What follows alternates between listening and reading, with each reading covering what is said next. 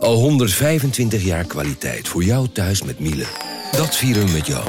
Ontvang nu tijdelijk een cashback tot 125 euro op veel Miele-apparatuur. Geniet van de kwaliteit van Miele. Voor perfect verzorgd wasgoed en kleding die veel langer mooi blijft. Voor een stralend schone vaat, even perfect als jouw diners. En een stofvrij thuis waarin echt hygiënisch schoon de standaard is. Check miele.nl voor alle feestelijke aanbiedingen. Hey podcastluisteraar. Ook op zoek naar een relevante invulling van je schaarse luisteruren? Tune dan in op de podcastserie ESG, even samengevat van BNP Paribas. Wij, Marloes en Aldert, spreken daar duurzame voorlopers en wereldverbeteraars. Waarover dan? Nou, bijvoorbeeld of we ooit duurzaam kunnen gaan vliegen. En waarom koeien in de stad nou een goed idee is? Dat en meer elke twee weken in een nieuwe aflevering. Dus abonneer je. ESG, even samengevat.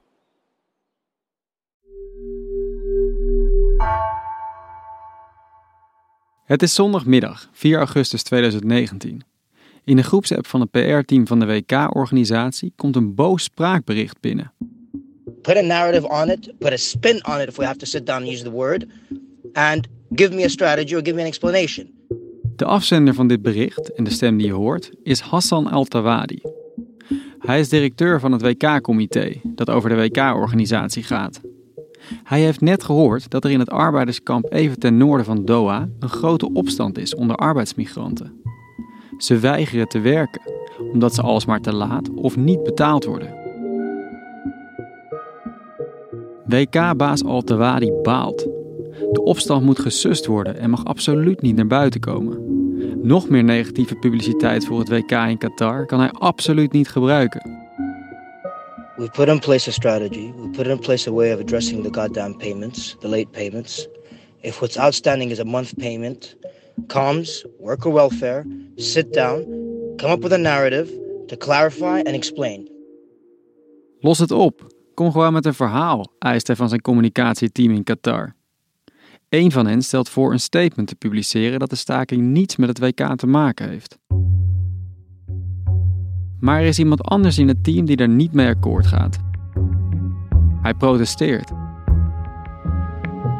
En dat loopt slecht voor hem af.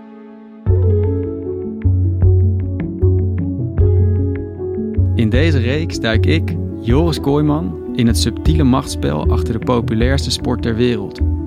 Een spel dat om veel meer gaat dan om voetbal en geld.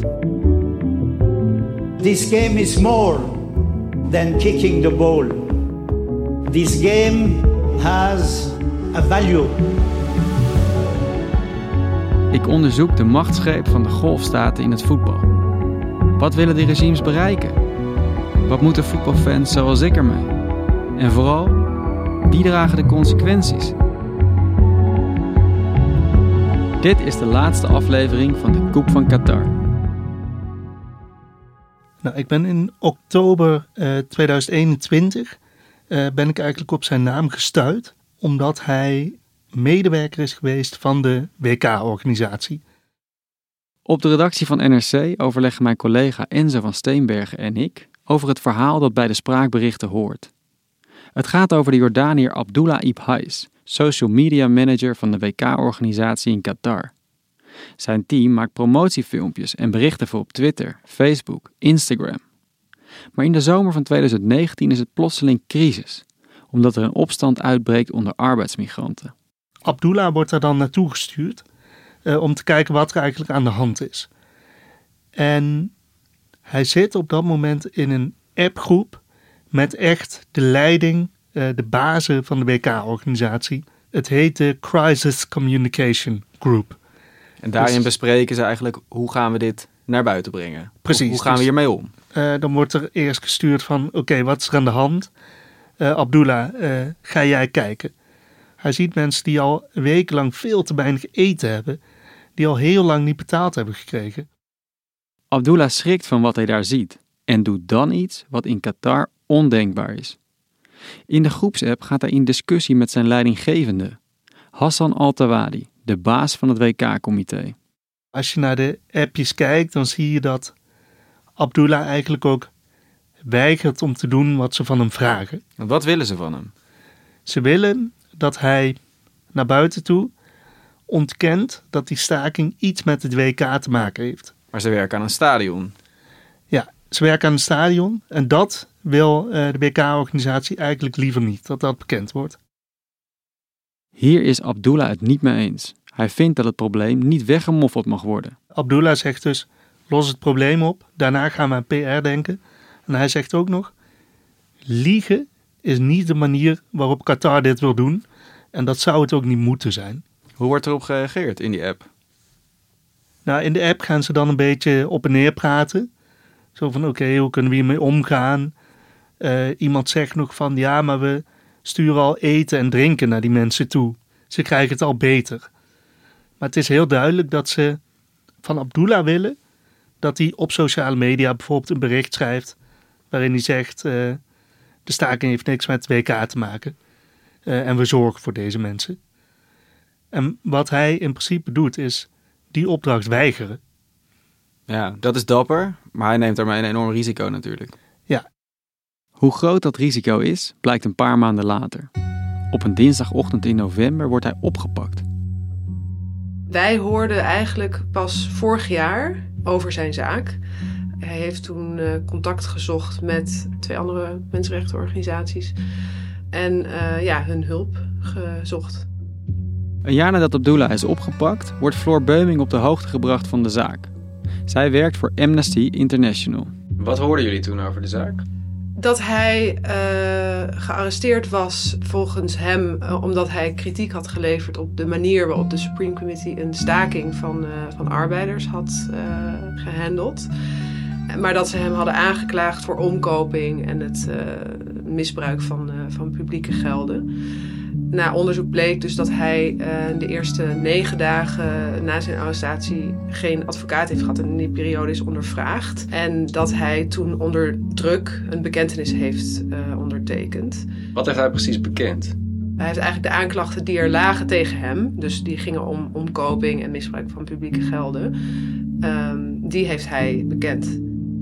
Abdullah zou hebben gerommeld met een aanbesteding van een PR-opdracht. Totale onzin volgens Abdullah. Hij was niet eens in de positie om zoiets te doen. Het is volgens hem een excuus om hem vast te kunnen zetten. En ook volgens Beuming deugt het proces van geen kanten. Uh, bij hem werd gezegd: als je het ondertekent, dan, uh, dan, dan, uh, dan kom je vrij. En hij heeft dat toen gedaan en gedacht: nou ja, waarschijnlijk kom ik er dan af, misschien met een, een lichte straf of een boete. Um, en nou ja, toen bleek dat dat niet zo was. En, uh, en, dat ze die bekentenis hebben gebruikt om hem te veroordelen uiteindelijk tot vijf jaar gevangenisstraf. Abdullah wil zijn bekentenis intrekken omdat hij onder dwang is afgelegd. Maar daar wordt niet op gereageerd. Wat ik heb begrepen is dat de rechter dus heeft geweigerd om zijn claim te laten onderzoeken. En uh, eigenlijk al heel, heel snel gewoon een conclusie heeft getrokken dat hij uh, schuldig was. Eerst krijgt hij vijf jaar celstraf. In hoger beroep wordt dit verkort tot drie jaar. Abdullah laat het er niet bij zitten. Nu is hij naar het hoogste hof van het land gestapt, het Hof van Cassatie. Dat gaat meer over of het proces correct is gegaan. Nou, dan hoop je wel dat, dat daar iets gezegd wordt over dat hij dus onder dwang die bekentenis zegt te hebben ondertekend en dat dat helemaal niet had mogen meewegen in de beslissing van de rechter. Maar dat heeft de rechter wel gedaan. Um, ja, dus daar, daar hoopt hij natuurlijk nu op dat, dat daar wordt gezegd: het, het proces moet over. En nou ja, dan, dan moet hij een eerlijk proces krijgen. Is dat zijn uh, laatste beroepsmogelijkheid? Ja. ja. De familie van Abdullah heeft alle hoop gevestigd op een nieuw proces. Hoewel zijn vrouw en kinderen in Qatar wonen, zit de rest van zijn familie in Jordanië. Vanuit daar probeert Abdullah's broer Ziad hem zoveel mogelijk te helpen. Bijvoorbeeld door met internationale media te praten over de zaak en aandacht te vragen. Hi Ziad. Hi Oris, how are you? Good, thanks. You? Fine, I'm doing fine. Ziad maakt zich zorgen om zijn broer, van wie hij soms spraakberichten krijgt via een telefoon die de gevangenis in is gesmokkeld. Zo hoort Ziad op één daarvan dat Abdullah in hongerstaking is gegaan, uit protest tegen zijn proces. I've gone on a hunger strike because for me, this was the last resort after I uh, I was denied uh, the chance to for a trial. Uh, I was denied the chance to be heard. I was denied the chance to speak up. Hij denkt dat hij achter de tralies is gezet, zodat hij zijn mond houdt over wat zich achter de schermen van het WK afspeelt. After all, I was detained whilst my trial has not finished yet. They, I was detained just to make sure that I don't speak up. Ziad schrikt van hoe verzwakt zijn broer klinkt op de opnames. En dus probeert hij hem over te halen weer te gaan eten. Een hongerstaking helpt niet, denkt hij. Hij slaagt erin zijn broer na een maand op andere gedachten te brengen. His health is okay. He recovered after uh, the 30 days hunger strike. Uh, until now, as we and he knows, uh, there, there are no long lasting consequences for the hunger strike. Langzaam sterkt Abdullah wat aan. Maar of de hongerstaking echt geen fysieke gevolgen heeft, weten ze niet. Abdullah krijgt namelijk geen toegang tot artsen.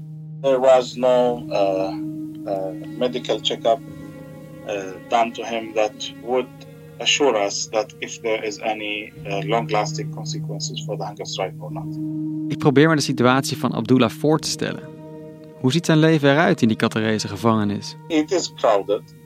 They uh, they are allowed to uh, uh, buy some uh, of their needs from the cantina or prison cantina. Uh, of course, it's he describes the situation. It's it's like hell. That's that's what he says when when he calls, and uh, uh, I believe it, it, can be so because we are in, in, a, in a country where uh, human rights are not very much uh, of a value. So uh, it's expected to be like that. Een week voor het begin van het WK laat Ziad weten dat de familie bericht heeft gehad van het Hof van Cassatie. Het beroep van Abdullah is afgewezen tijdens een zitting waar zowel hij zelf als zijn advocaat niet bij aanwezig waren. De zitting zou maar één minuut hebben geduurd. Abdullah is een voormalig medewerker van WK-baas Hassan Al-Tawadi. Wat heeft hij te zeggen over de zaak van Abdullah? Ik vraag het hem op de persbijeenkomst in de Amsterdam Arena. We have heard that he did not get a fair trial. There's obviously um, been human rights groups that also stated that he did not get a fair trial. He was one of your employees. One of our former employees. Yes. Yeah, one of your former employees. Yes. Um, what is your assessment of this case? of his case. Yeah. In relation to the trial, I cannot comment on the trial. Geen commentaar, dat verwachtte ik al. Toch laat hij wel iets los over de zaak. He was involved in an investigation. Um, as a result of the investigation, uh, you know, we've, we, we, we took certain actions not only with him but with other employees. Uh, and then after that, uh, he left our he left our employment. It was as simple as that. The case itself, there's a criminal case against him. I can't I can't comment on the criminal case against him. Maar, voegt hij eraan toe, het idee dat Abdullah is gestraft voor zijn kritiek is onzin. What I can tell you is this. You know, some people framed it that, you know, the action was because what we're doing, we don't care about workers. And the action is because, you know, uh, everything that we're doing within the Supreme Committee is false and we only care about media and so on and so forth. You know, that, that something was done in that aspect or that was some, some of the framing that some people wanted to do. And that is, that is absolute falsity. Het is een verklaring die niet strookt met wat Abdullah erover zegt, wat mensenrechtenorganisaties erover zeggen. En als Noorse journalisten naar Qatar reizen om Abdullah in de gevangenis te interviewen, worden ook zij gearresteerd en later het land uitgezet. Qatar doet zo zijn best om zichzelf als modern, gastvrij en progressief voetballand te verkopen. Maar keer op keer word ik geconfronteerd met dat andere, grimmige gezicht van het land, dat ook direct het WK raakt. Als je daaraan denkt, is het moeilijk voorstelbaar dat honderdduizenden fans straks de Polonaise gaan lopen in Doha. En ik vraag me af, hoe zien die Qataris dit eigenlijk? Uh, Holiday Inn Business Park, please. Als ik half september in Doha ben, is in Nederland de herfst al begonnen. Maar in Qatar zijn regen en koelte nog ver te zoeken. De thermometer tikt 39 graden aan. En door de luchtvochtigheid voelt het nog veel warmer. Dit is gewoon sauna. Ook omdat het een beetje vochtig is, dus het slaat ook meteen eh, ja, op je huid, zeg maar. Je zweet gewoon. Ehm, het is niet, ik had eigenlijk een beetje droge warmte verwacht, omdat woestijn idee. Maar eh, het is heel vochtig. Ik stap een gekoelde taxi in die me naar een luxe winkelcentrum brengt. Onderweg is niemand op straat te zien, behalve de arbeiders die aan de weg werken. Tegen de skyline van Qatar langs het water doen plots een groot overdekt FIFA-kunstwerk op, waar ik even ga kijken. Het is een soort zandloper in de rode kleur van Qatar. Met een boog eromheen die een beetje de World Cup vorm heeft aangenomen. We hebben nog 61 dagen, 7 uur, 49 minuten en 35 seconden. Ik stap weer in de taxi naar Lusail, een enorme wijk ten noorden van Doha die speciaal voor dit WK is gebouwd. Onderweg verbaas ik me over de gigantische posters waar we langs rijden. Ja, al die flatgebouwen hebben een, eh, een enorme afbeelding van een speler. Weet je nog, in Rotterdam had je toch eh, Edgar Davids, die uit het uh, Nationale Nederlandengebouw kwam lopen, volgens mij. En daar had je Pedri, een Spaans speler. Virgil van Dijk, natuurlijk. Ze hebben ook wel genoeg wolkenkrabbers om alle teams uh, een afbeelding te geven natuurlijk. Ik word door de taxi afgezet bij het winkelcentrum. Het leven van de Qataris in Doha speelt zich onder meer af in dit soort shoppingmalls. Ze laten zich door hun chauffeurs in grote landrovers tot voor de ingang rijden, zodat ze meteen de verkoeling instappen. Dit winkelcentrum is net opgeleverd en zelfs voor Qatarese begrippen over de top. Place van Dom heet het. Gebouwd in de stijl van een Frans paleis met vier verdiepingen en ruimte voor bijna 600 winkels, cafés en restaurants. De echte Qataris zijn makkelijk te herkennen aan hun traditionele Arabische kleding. Hoe kijken zij naar het WK? vraag ik ze. Are you looking forward to the World Cup? Yeah, of course. We are waiting uh, for uh, 12 years now. And we are very happy to uh, be uh, World Cup in Qatar uh, as a first time. We, uh, we want to show the world. Een man van een jaar of 60 vindt dat zijn land er klaar voor is. Zijn vrouw vergelijkt het WK met een bruiloft waar jaren aan voorbereidingen aan vooraf zijn gegaan. It's the same if you have wedding in your house. How you are prepared the house. Everything you are prepared, everything is clean and perfect and everything damage you have in the house you prepare it. Now it's Qatar like that. Ze is ervan overtuigd dat de internationale opmars van Qatar ook na het WK zal doorgaan.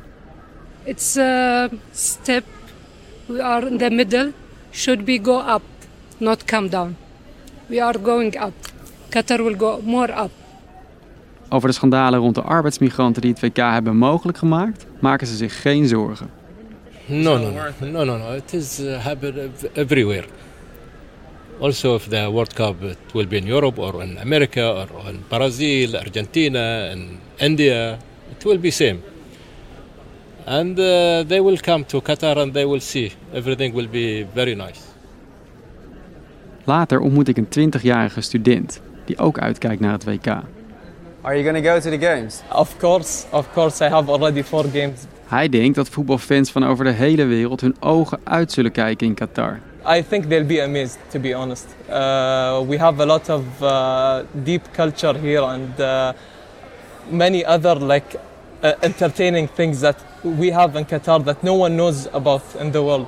What, what kind of things are you thinking about then? Like a lot of unique architecture and stadiums uh, that are newly built here in Qatar uh, that will like are, like state of the art. And like we have a lot of landscapes like the sea line desert as well as uh, the mangroves in Al Khor, which will be an experience for many of the fans here in Qatar. Dat klopt. De spectaculaire gebouwen zorgen voor een prachtige skyline. Maar die zijn er niet vanzelf gekomen. Wat vindt hij daarvan? I think there has been a, uh, too much criticism on this, and uh, some of it, most of it is uh, uh, like news that is like just trying to make more propaganda against Qatar. But uh, I think it is worth it, to be honest. Het valt me op dat geen van de Qataris die ik daar ter plekke spreek kritisch is op het WK in hun land. De verhalen over uitbuiting van arbeidsmigranten die kloppen niet. Of het is propaganda, bedoeld om Qatar in discrediet te brengen. Het bizarre is dat je hier jarenlang gewoon hebt kunnen zien hoe massa's arbeiders werden afgebeuld in de bloedhitte. Zelfs nu nog, twee maanden voordat het WK begint. Terwijl de vele expats en rijke Qataris zich nauwelijks buiten vertonen omdat het zo heet is, zie ik overal plukjes mensen die het moeten stellen zonder airconditioning. Arbeidsmigranten zijn nog volop bezig wegen, parkeerplaatsen en hotels af te bouwen. Ook hier, in Lucille. We dachten we gaan even bij het Lucille Stadium kijken. Het grote stadion waar de finale wordt gespeeld. Dat ligt dus in een stad, een soort van nieuwe stad die volledig is gebouwd voor het WK. Alleen we kunnen er niet komen, want de werkzaamheden zijn nog in volle gang. Alle straten zijn afgezet. We hoorden net van iemand uh, dat twee maanden geleden eigenlijk alles al klaar was. Maar als je hier bent, krijg je toch een heel ander idee. En het is nu twee uur. Bloedje heet. Maar goed, iedereen is uh, keihard aan het werk. In de volle zon ook gewoon. Om, uh, om dit op tijd af te krijgen. Maar als je in deze hitte hier staat en je ziet ze allemaal bezig. Dan bekruipt toch wel een gevoel van totale waanzin hier eigenlijk. Hè? straks zal het tijdens het WK allemaal vol zijn. Ongetwijfeld. Maar dan gaan we weer weg met z'n allen. En dan staat hier een stad. En wie gaat dit bewonen?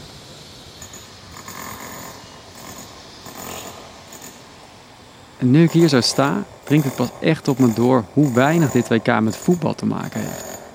Er is een hele nieuwe stad uit de grond gestampt. Metrolijnen, tientallen hotels, shoppingmalls, kantoortorens, pretparken. Zelfs een winter wonderland. Ruim 200 miljard dollar heeft het hele project gekost. Straks, als het voetbal is begonnen, krijgt Qatar de kans een maand lang te pronken met alles wat het hier heeft neergezet. Zodat het land daarna, als iedereen weer weg is, een populaire toeristische bestemming wordt.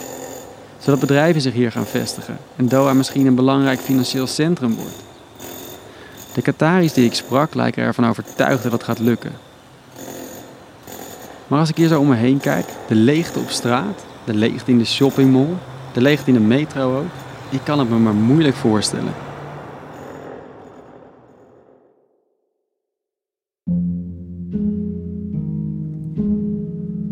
Mijn zoektocht zit er bijna op.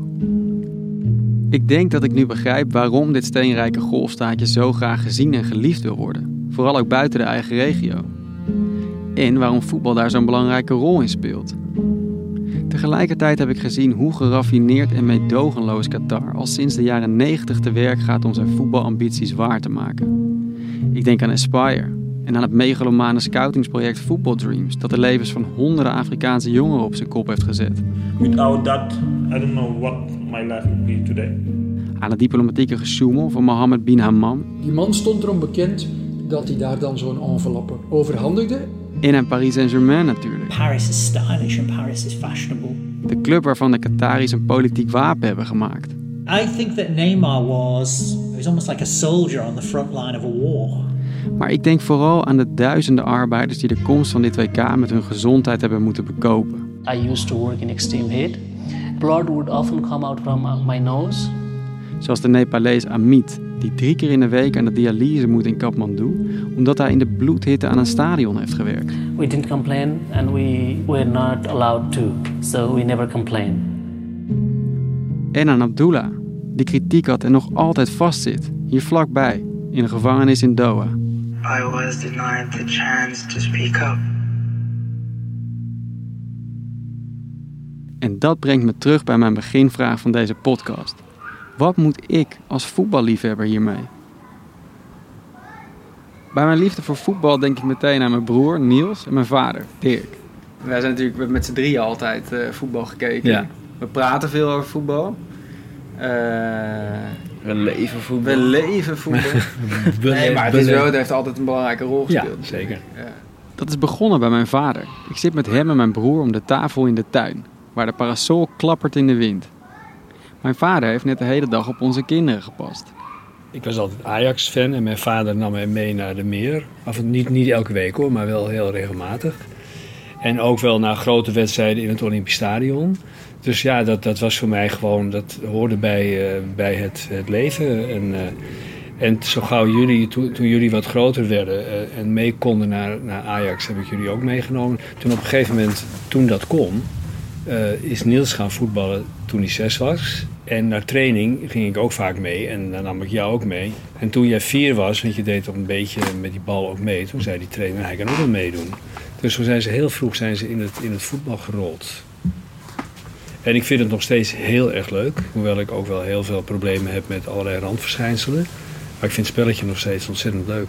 En daar wil ik het met hen over hebben. Hoe kijken zij naar de verandering in betaald voetbal? En naar dit WK?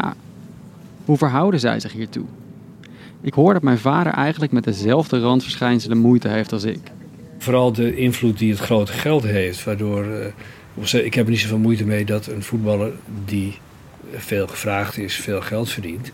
Maar wel dat sommige clubs zich veel meer kunnen permitteren dan andere, waardoor het gewoon een heel, ja, heel ongelijk uh, speelveld is geworden. En dat vind ik jammer. Mijn broer heeft juist specifiek met dit WK veel moeite.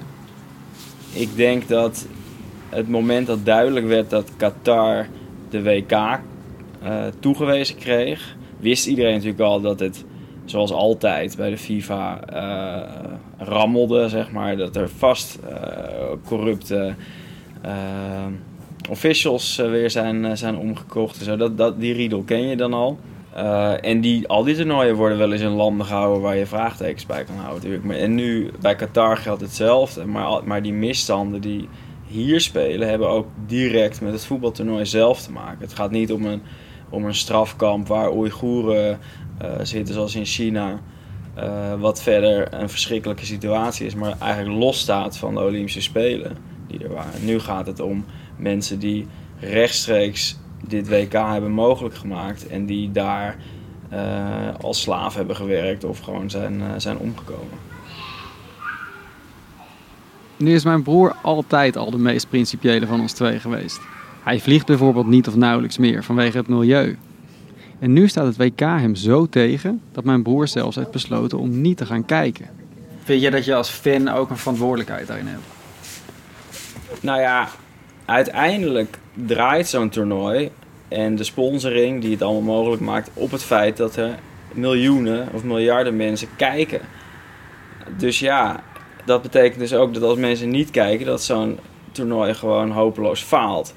En dat is eigenlijk wat je, uh, wat je zo'n regime uh, en die organisatie in het algemeen gunt. Dat het dan een signaal is naar de toekomst van ja, wil je een toernooi organiseren, dan niet op deze manier. Want dat, daar kom je gewoon niet meer mee weg. En kijk, ik besef heus wel dat het niet uitmaakt als ik alleen niet kijk. Maar dat... Hey, Niels Kooijman heeft niet gekeken. Precies. Dus, dat, ja. dus dat, dat weet ik ook heus wel. Maar ik vind dat geen argument om dan als individu ook maar weer als een schaap achter de, achter de massa aan te lopen. Van mijn broer verbaast me dit standpunt dus niet zoveel. Mijn vader is altijd meer de twijfelaar in ons gezin. En dat merk ik nu ook weer. Ik, uh, ik weet het eigenlijk nog niet, maar ik ben van plan om niet te gaan kijken. Maar... Waar zit de aarzeling dan? Nou, de aarzeling zit dat ik het niet moeilijk ga vinden om uh, in het begin niet te kijken. Maar stel dat ze in de halve finale of de finale komen, dan wordt het, wel steeds, dan wordt het steeds lastiger. Ja, zo, dat, dat soort opportunisme, dat, uh, dat ken ik wel zit bij mezelf. Er diep in, dat zit er diep in. Ja. en jij bent principiëler, net als jouw moeder, die is ook principiëler in dit soort dingen. Maar jij gaat het toch ook moeilijk vinden als ze de finale halen? Zeker. Zeker ga ik het lastig vinden. Maar ja, als je eenmaal hiervoor kiest, dan is er geen weg meer terug. Nee? Nee.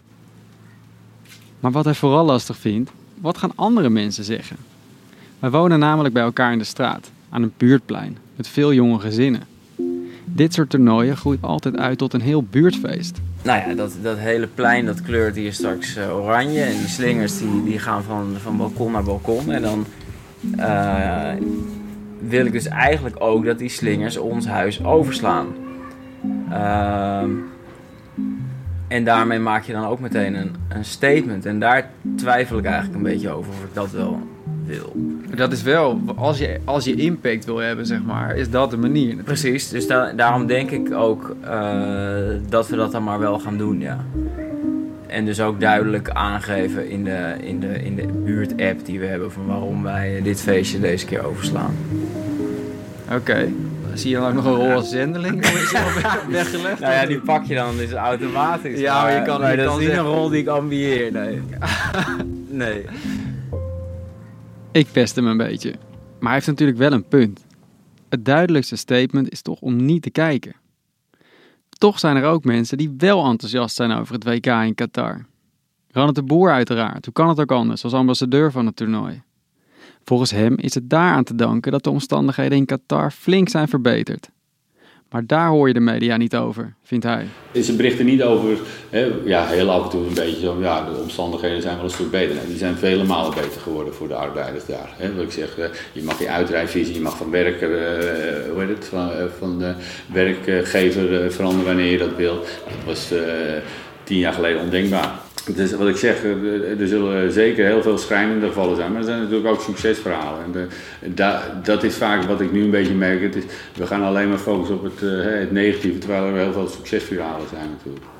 De boer vindt dat media en mensenrechtenorganisaties te negatief zijn over Qatar. Maar waar baseert hij zich dan op? Hoe kom jij aan je informatie? Ik kom natuurlijk aan de informatie zoals uh, Qatar dat uh, doorgeeft natuurlijk. Van, de Supreme Committee of een statement van, uh, als ambassadeur van, van hoe Qatar daar tegenover staat. Ronald de Boer krijgt dus een vrij eendimensionaal beeld lijkt me. Toch vertellen meer mensen me dat er veel is veranderd voor de arbeiders in Qatar de laatste jaren.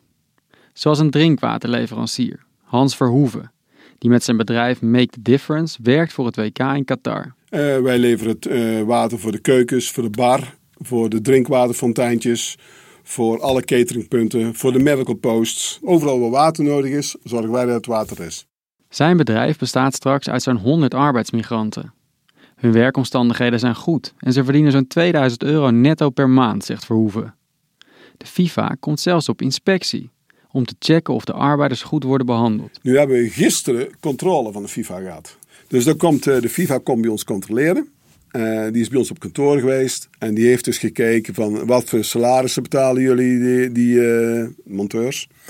Waar wonen ze? Betalen jullie ook voedsel? En dan moeten we dan. Hè? Je moet het vervoer regelen.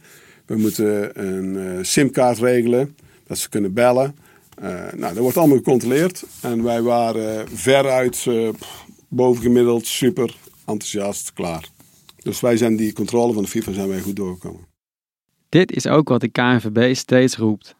Het WK had niet aan Qatar gegeven moeten worden, maar door alle kritiek is de situatie in het land er wel op vooruit gegaan. En datzelfde geldt voor de FIFA, al jaren berucht vanwege omkoping en corruptie. Gijs de Jong is secretaris-generaal van de KNVB. Hij ziet dat er door alle controverse veel is verbeterd bij de Wereldvoetbalbond. Je kan de FIFA van Blatter niet vergelijken met de FIFA van nu. Zo wordt de kandidatuur van een gastland veel strenger beoordeeld door de FIFA. Elke bond moet een openbaar bid indienen die het toernooi binnen wil krijgen. Dan wordt elk bid gewogen, dus ze krijgt een rapport. Wie beoordeelt dat? Die technische commissie van de FIFA. Dus er zitten allerlei experts in en die beoordelen op een aantal criteria. Dus nu is het zo, die mensenrechten zijn opgenomen in de bidcriteria. En er is veel meer transparantie. Zo bepaalt niet meer het FIFA-bestuur, met 24 machtige mannen op leeftijd, waar een WK wordt gehouden. Maar alle landen en hun bonden die lid zijn van de FIFA. En vervolgens moeten de 211 leden uh, hun stem bepalen. Die doen dat real-time en je ziet het direct op het scherm wat je gestemd hebt. Dus elke bond moet ook, en de media is daarbij. Hè, dus na afloop moet ik elke bond zichzelf verantwoorden uh, wat hij gestemd heeft. Dat klinkt inderdaad als vooruitgang. Maar wat de arbeidsomstandigheden betreft is vooruitgang moeilijk meetbaar in een gesloten dictatuur als Qatar. En uitbuiting komt er nog steeds veel voor. Bovendien is het de vraag wat er na het WK van de hervormingen overblijft. En los daarvan, zoals mijn broer ook zei, ze nemen al het leed niet weg dat dit WK in Qatar al heeft veroorzaakt. En dus blijft de vraag: ben ik daar als toeschouwer op een of andere manier medeplichtig aan? Of wordt dat te ver, omdat ik er toch niets aan kan veranderen? Ik heb iemand gevonden met wie ik dit dilemma kan bespreken. Sandra Meeuwse. Zij is sportfilosoof aan de Erasmus Universiteit in Rotterdam. Wat zijn dat eigenlijk, sportfilosofen? Van oudsher waren het mensen die zich uh, wilden bezighouden met uh, de definitie van wat sport is. En dat is zeker een belangrijk onderdeel. Wat wij hier doen gaat veel meer over ja, vraagstukken die in de sport leven en die een filosofische laag hebben. En dat zijn ze tegenwoordig bijna allemaal. Omdat er zoveel integriteitskwesties spelen en, en eh, de sport ook volop in ontwikkeling is. En eh, je ziet hoe het sportlandschap aan het veranderen is. Nou, ook dat heeft een aantal elementen in zich die vragen om een wat meer fundamentele discussie. En dan ben je eigenlijk direct als filosoof nodig. Ik leg Meeuwissen uit waar ik precies mee worstel. Ik ben zelf, sinds ik me kan herinneren, ben ik met voetbal bezig eigenlijk. Eh, en hetzelfde dus ook altijd gedaan. En het is Mooi. nu wel het ongemak van mij ook, bij mij eigenlijk over wat er in de sport, in het voetbal gaande is. Met geldstromen uit foute orde, zeg maar. Ja, Die, die, ja. eh, die het overnemen in het voetbal, dat gaat al langer, wel, is- speelt al langer. Alleen het lijkt alsof er met Qatar een soort nieuwe grens Ja. is overschreden. Herken je dat? Ja, ik herken dat zeker. Eh, sport heeft altijd in een soort bubbel geleefd en gedacht, dit kan. Want eh, we moeten geld verdienen om het voetbal overeind te houden zoals we dat graag willen zien. Als een spektakel. Groot, groter, grootst. En nu langzamerhand begint ook over eh, die dimensie van de sport een discussie te ontstaan. Kunnen we ons dat nog permitteren? Is dat nog maatschappelijk verantwoord? Maar nog Ja. veel ernstiger vind ik voor mezelf, Ja, is dat er daar mensen aan stadions hebben gewerkt die Ja. eh, het niet kunnen navertellen of er, ja. of er chronisch ziek van zijn geworden. ja.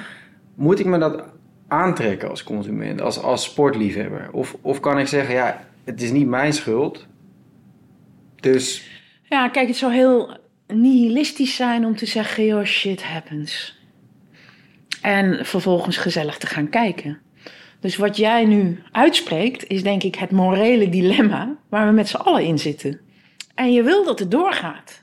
Want hè, dit is ook een stukje brandstof voor je eigen inspiratie en bezieling, toch? Je hebt het nodig op zijn tijd. Hè, ik, ben, ik hou heel erg van wielrennen en in de zomer bloei ik op.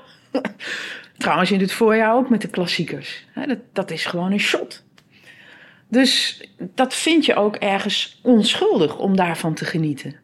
Maar dan word je nu geconfronteerd met een context die het daglicht eigenlijk niet verdraagt. Dus je komt als het ware met je eigen geweten in conflict over: mag ik dit mooi vinden? Dit gaat over zulke grote maatschappelijke issues. Ja, dat raakt gewoon aan je persoonlijke morele kompas. Ik kan de vraag voor jou niet beantwoorden. maar hoe, Ieder mens moet die zelf beantwoorden door een afweging te maken in wat voor jou het belangrijkste is.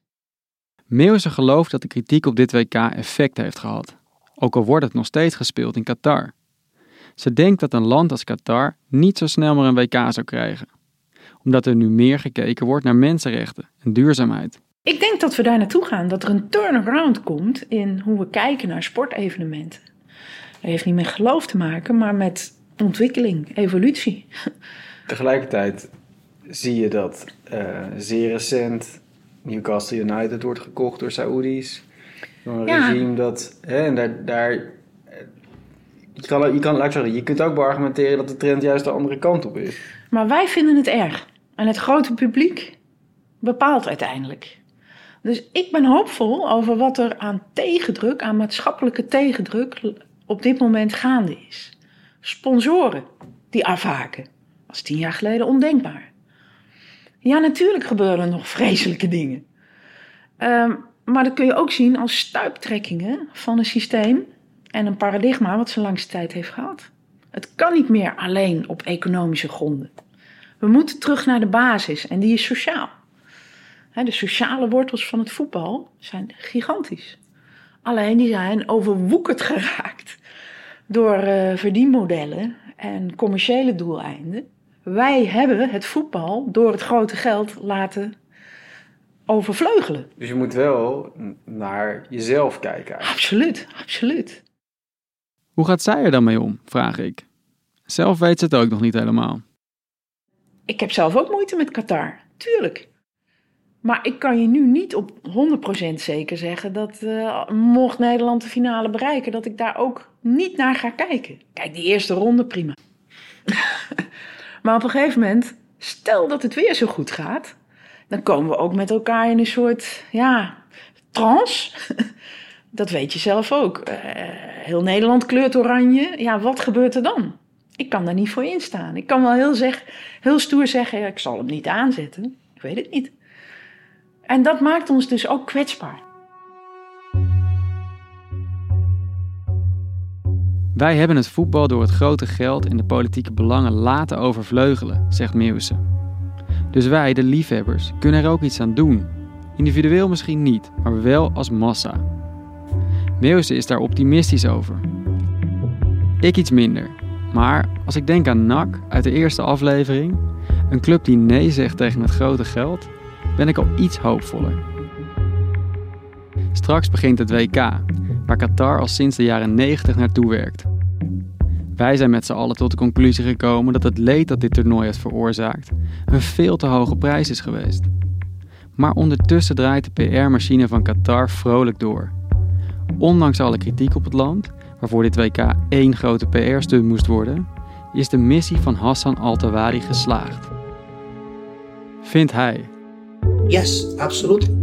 Plain and simple, it is worth it and will continue being worth it. I'm still gonna be, you know, every once in a while stressed out. I'll be tense every once in a while. It's it's human nature. But again, to repeat it one more time so that you have it in there. It is absolutely worth it. Dit was de laatste aflevering van de Koep van Qatar. Een podcast van NRC. Gemaakt door mij, Joris Kooijman en Gabriella Ader. Montage door Jan-Paul de Bond. De muziek is van Darius Timmer.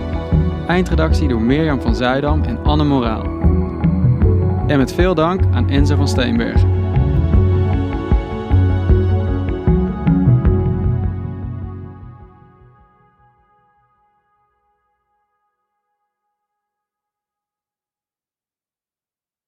Technologie lijkt tegenwoordig het antwoord op iedere uitdaging. Bij PwC zien we dit anders.